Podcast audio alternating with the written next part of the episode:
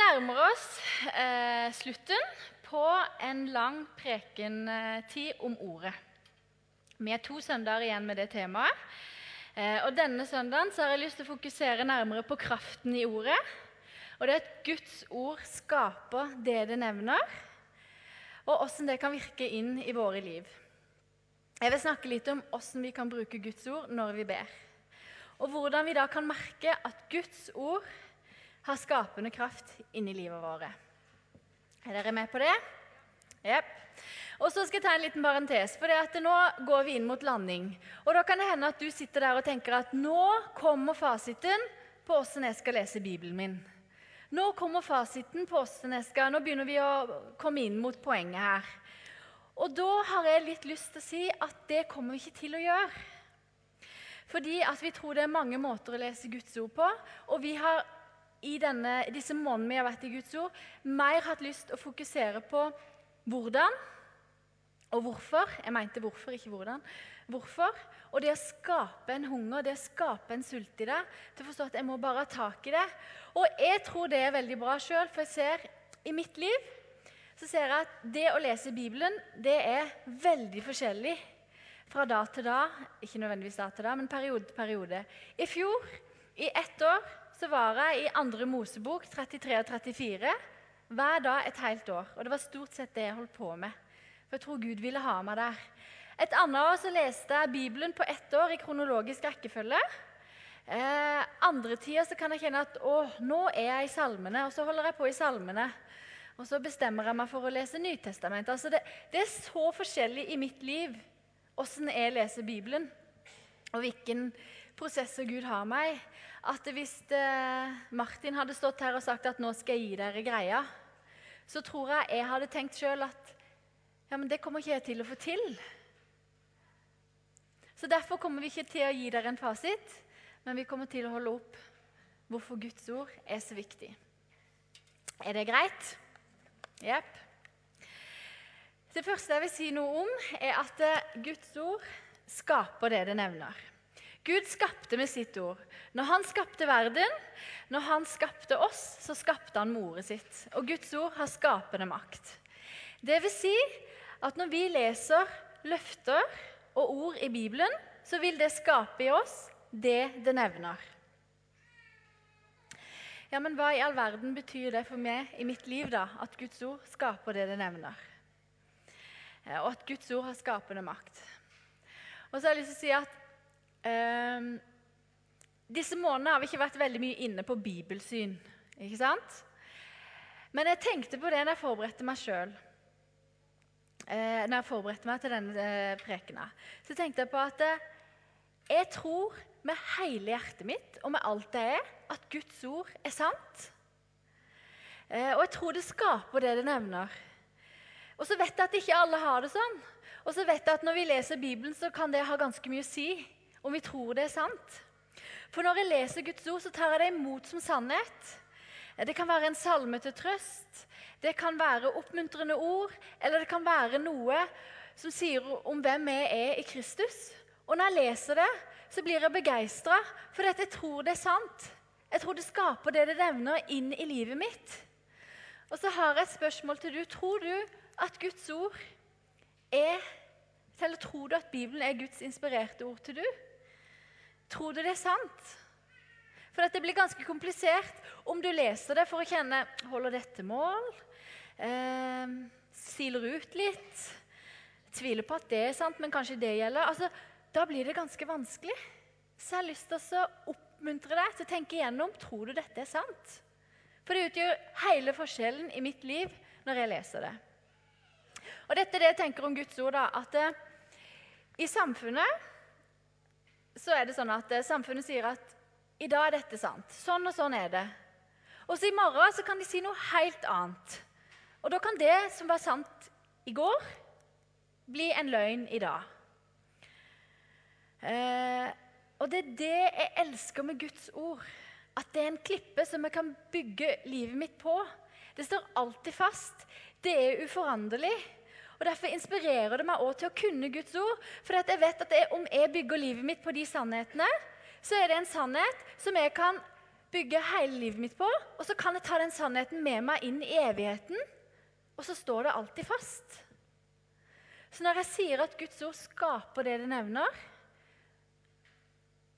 og har skapende kraft, så er det noe jeg tror av hele hjertet mitt. Jeg har tatt en bestemmelse for å tro Guds ord. For å tro at det er sant. Det er en bestemmelse jeg har tatt. Og så har jeg også tatt en bestemmelse at eh, det er greit å ikke forstå alt som står i denne boka. Og Det betyr ikke at jeg leser fort igjennom og tenker at jeg forstår ikke noe, så jeg bare leser det og tror det. Det er ikke sånn jeg mener. Men det er mange ting jeg ikke forstår her. Men det har jeg bestemt meg for er greit. Gud han sier i sitt ord at nå forstår vi stykkevis og delt. Og så skal vi få lov å forstå fullt og helt når vi ser han, når vi kommer hjem til han, når vi får møte han. Og det er greit for meg.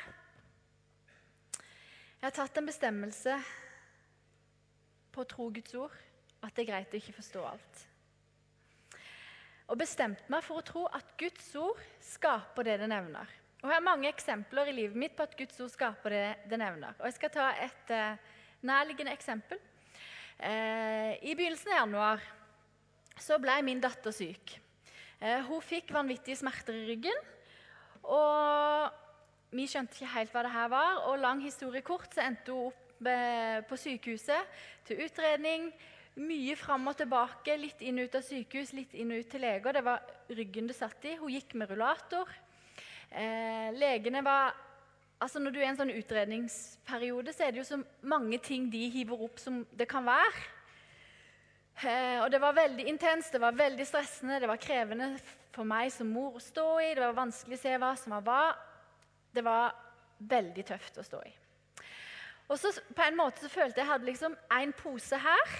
Og i den posen, eller i den sekken så var det 'Dette går bra.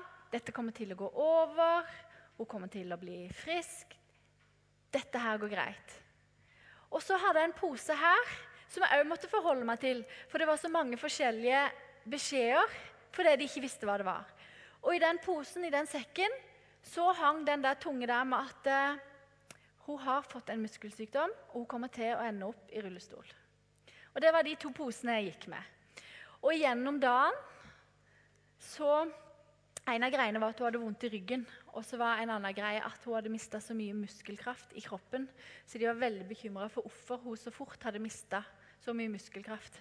Så det var ikke bare sånn at jeg frykta det verste, men jeg måtte forholde meg til beskjeden fra legene. Midt i det her så går jeg da ut og da inn og tenker Det var en sånn rollercoaster. Det kommer til å gå bra. Tenk om hun ender opp i rullestol. Det kommer til å gå bra. Tenk om hun ender opp i rullestol. Så i dette her så tenkte jeg Gud, jeg har fått mange løfter i ditt ord over hennes liv. Som jeg har skrevet ned. Hva, hva, hva er nå de løftene igjen? Så måtte jeg liksom gå til Gud, og så måtte jeg spørre Gud hva er de løftene. Og så fant jeg bibelvers som jeg har skrevet ned, som jeg har fått over livet hos. Og det er at Gud har sagt at han vil gi henne framtid og håp. Det bibelverset har jeg fått. Og så har jeg fått et annet bibelvers der det står 'Hennes fremtid er i mine hender'. Eh, og så har Gud sagt at han er Herren, hennes helbreder.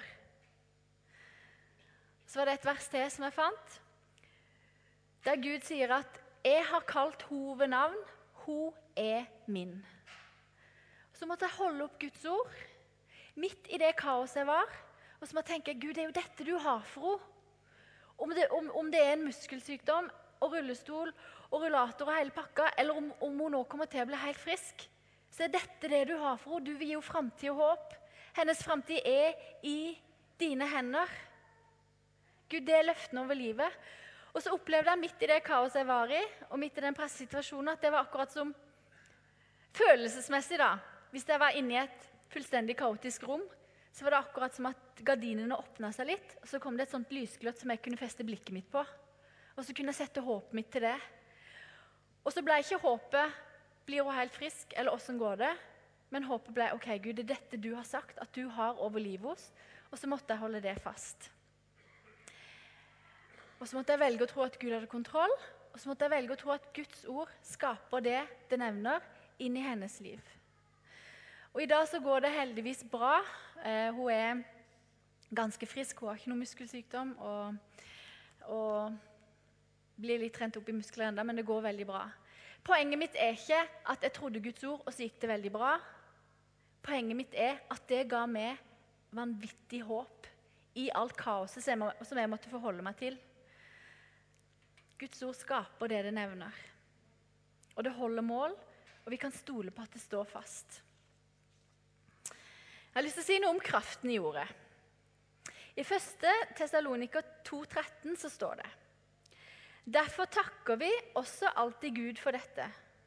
Da dere fikk det ord som vi forkynte, tok dere imot det, ikke som et menneskeord, men som det i sannhet er. Som Guds ord som virker med kraft i dere som tror. Som Guds ord som virker med kraft i dere som tror. Vet du hva? Guds ord er ikke tomme ord, men det er kraft. Og jeg vet ikke, men det er mange kampanjer ute og går, da. Og når jeg er og handler, på Coop Ops f.eks., så står jeg i kassakøen, og så er det alle de her bladene. Og der står det jo f.eks. høykarbodiett, lavkarbodiett, steinalderdiett. Eh, det står veldig mye sånn dietting, da. Alle, alle forsider uansett bladet. Og så, så, er det én ting som går igjen, og det er det at du blir hva du spiser. Syns det går igjen overalt. Du blir hva du spiser. Og vet du hva? Jeg vet ikke om vi blir hva vi spiser. For at, eh, når jeg vokste opp, så var det veldig sunt med en brødskive med brunost og melk. Og I dag så er det jo ikke noe sunt med brød lenger, og brunost er sikkert heller ikke noe sunt. Og, og melk er jo melkeprodukter, og det skal vi jo ikke ha i oss. ikke sant? Og så er det jo det at uh, Gulrot er jo kjempesunt, men hvis vi spiser for mye, så kan det være kraft, nei, kreftfremkallende. Det er så vanskelig å forholde seg til. Og samtidig så sier du du blir hva du spiser. Jeg vet ikke åssen det er med mat i forhold til at vi blir hva vi spiser. Men det er én ting som jeg vet med helt, helt sikkerhet. At når det gjelder Guds ord, så blir du hva du spiser. Og det er helt sant. Amen. Det er vanvittig kraft i Guds ord. Jeg har lest ganske mye i Bibelen eh, og elsker Guds ord. Og jeg merker at det har kraft til å forandre. Det er kraft. Eh, jeg og Øystein er veldig forskjellige. Og jeg irriterer meg ganske mye over han av og til. Og nå skal dere høre hvorfor. Fordi han er sånn. Så sier han Nå er jeg i denne den situasjonen, sier han. Gud, nå må du tale inn i situasjonen. Så åpner han opp. Å, vet du hva Gud sa? Og så sier han, Gud, du må bare bekrefte det. Guri land, her står det jo akkurat det samme. Og vet dere hva? Jeg tuller ikke når jeg sier at det er det vanlige for han. Ikke sant? Det er sånn han fungerer. Og det er gang på gang, mange ganger i uka at han gjør sånn. Og det funker hver gang. Det irriterer meg. For her har du Gry. Gud, nå må du tale. Og alle ble drept, og blodet fløyt, og kvinner og barn skulle òg bli utrydda. Altså, det, det slår aldri feil. Det funker aldri med meg. Men skal jeg si dere hva som er så bra?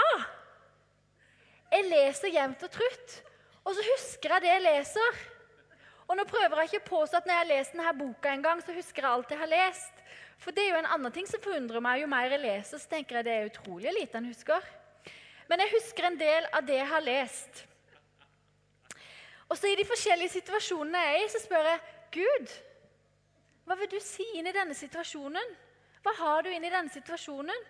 Og så kan Gud minne meg på noe jeg har lest. Og så merker jeg at det får skapende kraft inn i livet mitt. Jeg skal ta et eksempel. Når vi bodde i Bergen, så fikk vi spørsmål om vi ville komme til Timekirka. Det ville vi veldig gjerne. Etter mye om og men. jeg skal ikke si hva jeg tenkte, men uh, Skal jeg si hva jeg tenkte? Vi fikk telefon det her er skikkelig ut på, vi fikk telefon fra Imi-kirka om Øystein kunne tenke seg å komme og bli låsangspastor der. Og Jeg hadde ikke hørt så mye om Imi-kirka, men det jeg tenkte Jeg sa til Øystein han la på røret Syns du ikke du ser meg i Indremisjonen og nærme kvinnen? så det var min første reaksjon. Yes, jeg er veldig takknemlig for vi er Men fram til da så hadde vi bodd i pastorboliger. Eh, og når vi skulle til IMI, så var det ikke noe pastobolig. Det stusser jeg òg veldig over. eh, så opplevde jeg at Gud viste oss veldig tydelig at nå er tida for å kjøpe hus. Forhistorien er at jeg så egentlig ikke for meg at vi noen gang kom til å kjøpe hus. For jeg så for meg at han skulle jobbe som pastor, og jeg skulle jobbe sammen med han. Og det ble det ikke mye penger av. Eh, men Gud var kjempetydelig på at vi skulle kjøpe hus. Så hadde vi funnet et hus, og vi var i budrunde. Og så var jeg så usikker på om vi skulle by mer. Og så sa jeg, Gud, nå må du vise oss. Og så kom Gud kjempetydelig så sa han, vent, for jeg har satt foran deg en åpnet dør som ingen kan lukke. Hadde jeg hørt det i bibelverset? Ja. Og Øystein han var på jobb, og så når han kom hjem, så sa jeg hva opplever du, skal vi by mer nå? Så sier Øystein jeg opplever veldig at vi skal vente. Så venta vi, og så ble det huset solgt. Og Så ringte Martin samme kveld og sa han, du, jeg har funnet et hus der må komme på visning. Og Vi hiver oss i bilen og ned til Stavanger. Så sto vi inne i dette huset og sto på terrassen. Så så jeg ned på et annet hus og tenkte å, det huset var fint. Og Så gikk jeg ut av det huset vi var på visning i, gikk og kikka rundt. Og så hadde vi med oss en megler da, som, gikk, som går i meg. Så sa han men det var jo det huset dere bydde på i går, som dere ikke fikk. Og jeg bare nei, å søren heller, jeg likte så godt det huset. Og jeg visste ikke hvilket område eller noen ting jeg var i. ikke sant? Og så ringte vi Stavanger Boligbyggelag på mandag. Og så bare hørte vi. Vi fikk ansiennitet i Stavanger Boligbyggelag på torsdag. Huset ble solgt på fredag. Så ringte vi, og så sa han ja, dere har én dags mer ansiennitet enn han som kjøpte huset, så da får dere huset. Vi fikk huset på én dags ansiennitet. Gud sa, 'Vent, for jeg har satt foran dere en åpnet dør som ingen kan lukke'. Vet du hva? Guds ord er kraft, og det skaper det det nevner, inn i livet våre. Pugg Guds ord. Lær et vers. Jeg har brukt Guds ord så mye i forskjellige situasjoner i livet. Jeg har lyst til å ta en ting til. Bekymring. Jeg er ikke en veldig bekymra person, men av en eller annen grunn så har jeg bekymra meg så sykt mye i livet over økonomi. Eh, og Gud har alltid vært trofast, så det er forunderlig at jeg ikke kan få det der til å henge sammen oppi skolten og nede i maven og, og se sammenhengen. Men det har jeg bare bekymra meg mye for det. Så jeg har vært mye i Matteus 6,25, og der står det Derfor sier jeg dere, vær ikke bekymret for livet, hva dere skal spise eller hva dere skal drikke. Heller ikke for kroppen, hva dere skal kle dere med. Er ikke livet mer enn maten og kroppen mer enn klærne? Og så er det jo videre om se på fuglene. De bekymrer seg ikke, og de sulter ikke. Se på linjene på markene. De spinner ikke, men de står veldig fint kledd. ikke sant? Så går det videre. Og så står det Ikke bekymre deg, for deres far ser at dere trenger alt dette. Søk først Guds rike og hans rettferdighet, så skal dere få alt det andre i tillegg. Og så har jeg i mange år vært i Matteus. Og jeg sa, 'Gud, jeg vil ikke bekymre meg.' Gud, jeg trenger å få bytta ut mine tanker og min frykt med din sannhet inn her. Og så ser jeg over tid, over mange års tid, at jeg har bekymra meg mindre og mindre, og at jeg har klart å gi mer og mer slipp på det. Fordi at jeg får en erfaring av at Gud er trofast.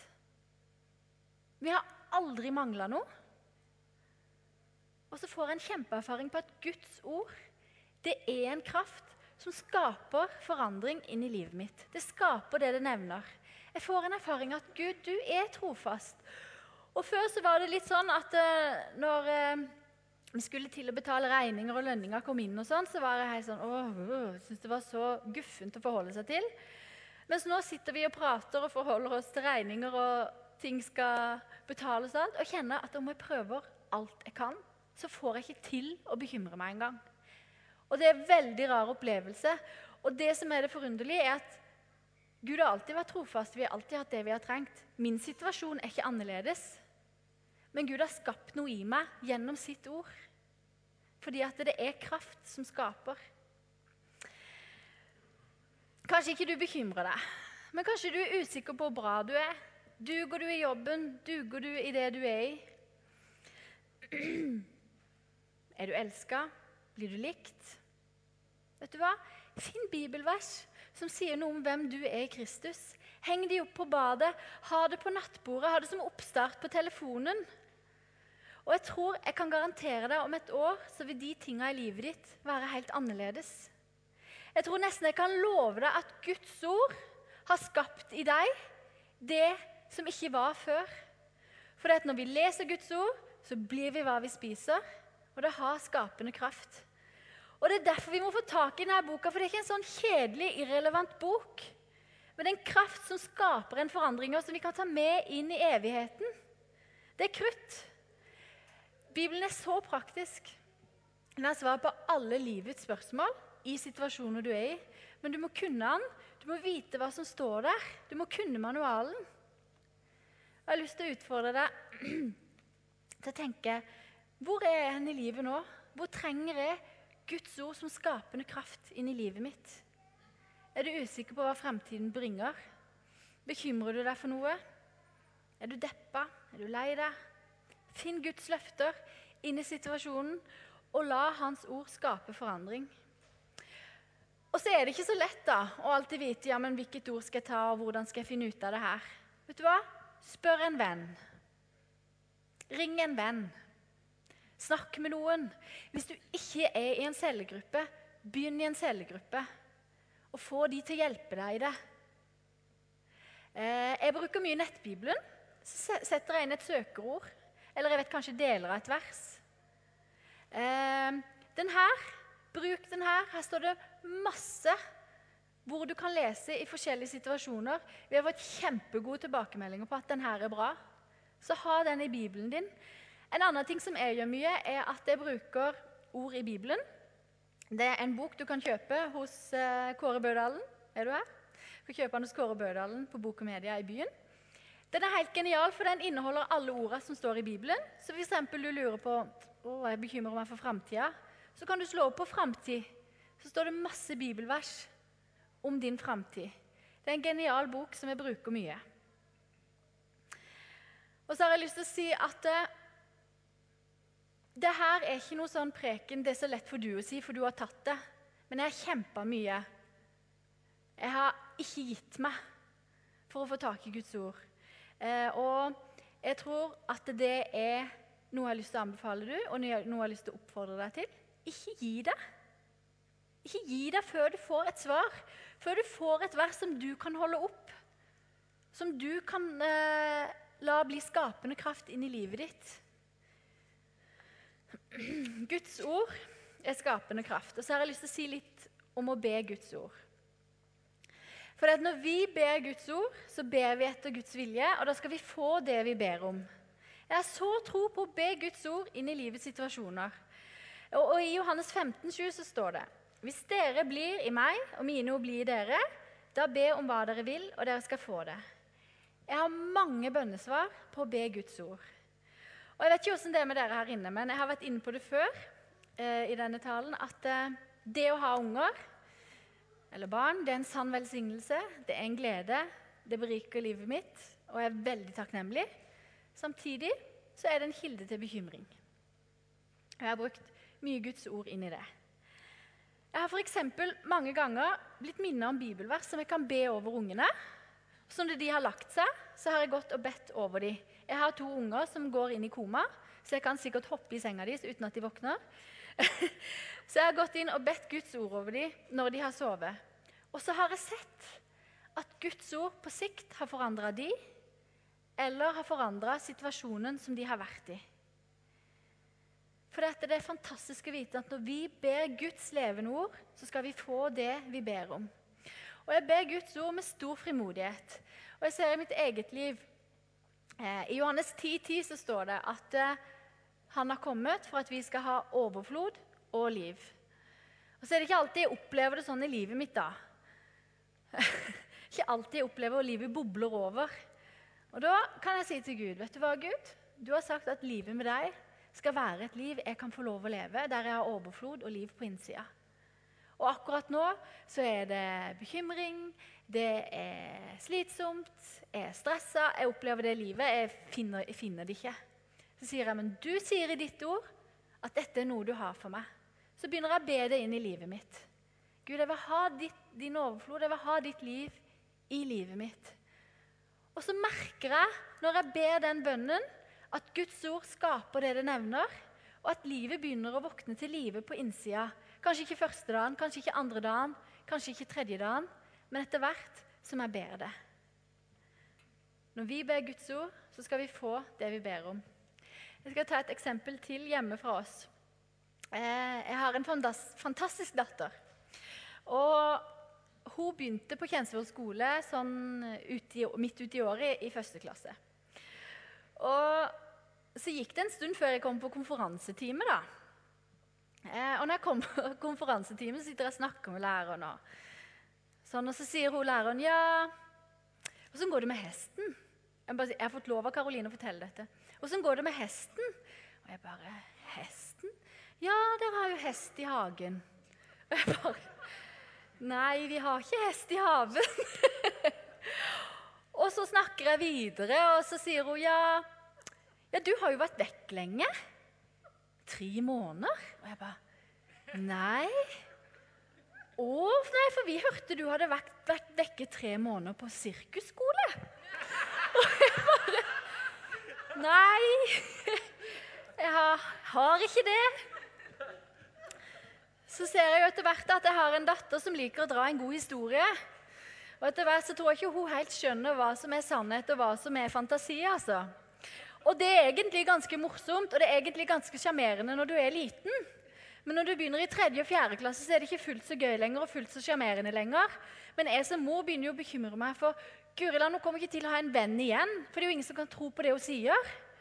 Ikke sant? Og Hun kunne stå foran meg hun, med de store, blå, nydelige øynene, se rett inn i øynene og dra en historie uten sidestykke. Og ikke blunke engang. Og Jeg var kjempebekymra. Altså, jeg ler av det nå, men jeg var oppriktig bekymra. Og jeg husker jeg snakka med Ann Ingel. Hva skal jeg gjøre? Og jeg snakka med flere, og jeg var inne på tanken Guri Land med må jeg få ordentlig hjelp til henne? Og så ba jeg Gud, hva gjør jeg? Og så opplevde jeg Gud vise meg at du skal be om at hun skal ha sannhet på tunga. Det står i Bibelen. Så hver kveld hun hadde lagt seg og sov, Gry inn og be over Gud. Jeg ber om at hun skal ha sannheten på tunga. Og I løpet av et halvt år så merka jeg veldig stor endring. Og, og Forhistorien er at jeg jobba veldig mye med dette alene med henne. Jeg ga konsekvenser, så det sang. Det var skikkelig kjipe konsekvenser. Jeg jobba masse med sannhet. Altså, jeg jobba med Irene og, og Inge Le, for de har hjulpet meg i dette. De husker det. Jeg var skikkelig fortvila, og det hjalp ikke. Så begynner jeg å be. Gud, jeg ber om at hun skal ha sannhet på tunga. Og jeg ba hver kveld. Jeg ba og ba. Så ser jeg i løpet av et halvt år at ting begynner virkelig å endre seg. Og i løpet av et år, halvannet, så merker jeg at det er helt snudd. At hun er sannferdig. Hun forteller sannhet, hun lever i sannhet, og hun er sannhet på en helt annen måte. For at Guds ord skaper det det nevner, og når vi ber Guds ord, skal vi få lov å se det vi ber om. Og det er jeg utrolig takknemlig for. Jeg har lyst til å oppfordre deg til å be Guds ord inn i de situasjonene du er i.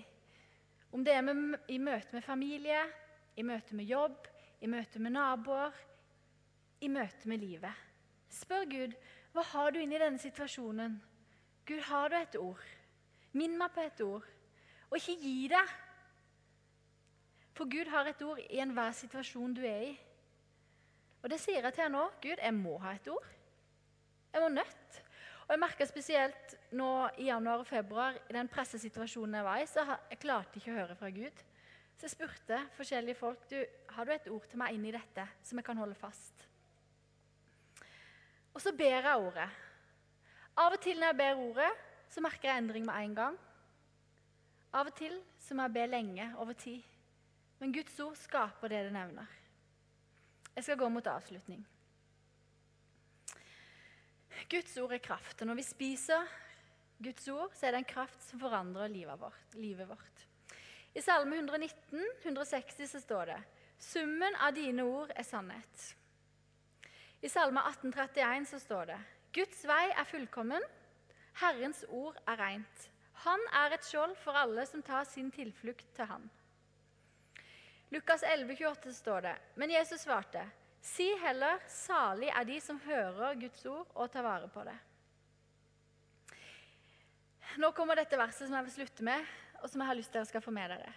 Og Det står i 2. Korinter 6, 18. Og der står det Jeg skal være deres far, og dere skal være mine sønner og døtre, sier Herren den allmektige. Gud er vår far. Han sørger for oss, han tar seg av oss, og han elsker oss. Og han har gitt oss sitt ord. Bibelen er et kjærlighetsbrev fra vår kjærlige Far i himmelen til oss. Han har gitt oss en manual, sånn at vi kan få lov å leve i visdom, og sånn at vi kan få lov å leve i frihet med livet våre. Hvor trenger du Guds skapende ord inn i livet ditt akkurat der du er nå? Hvor trenger du Guds ord som en forandring inn i livet ditt? Hvilken situasjon er du? Hvor trenger du Guds løfte? Hvor trenger du Guds svar? Han ser deg nå, og han ønsker å skape inn i livet ditt det hans ord nevner. Vi skal reise, så skal vi be. Gud, jeg ber deg om at du skal bare komme til oss nå. Herre, kom med din Hellige Ånd til hver enkelt som er her inne, Jesus. Og tal til dem med ditt ord. Minn dem på bibelvers. Minn dem på ting som de kan si og be inn i situasjonene der de er i nå, Herre. Kom, Jesus. Kom og tal til oss.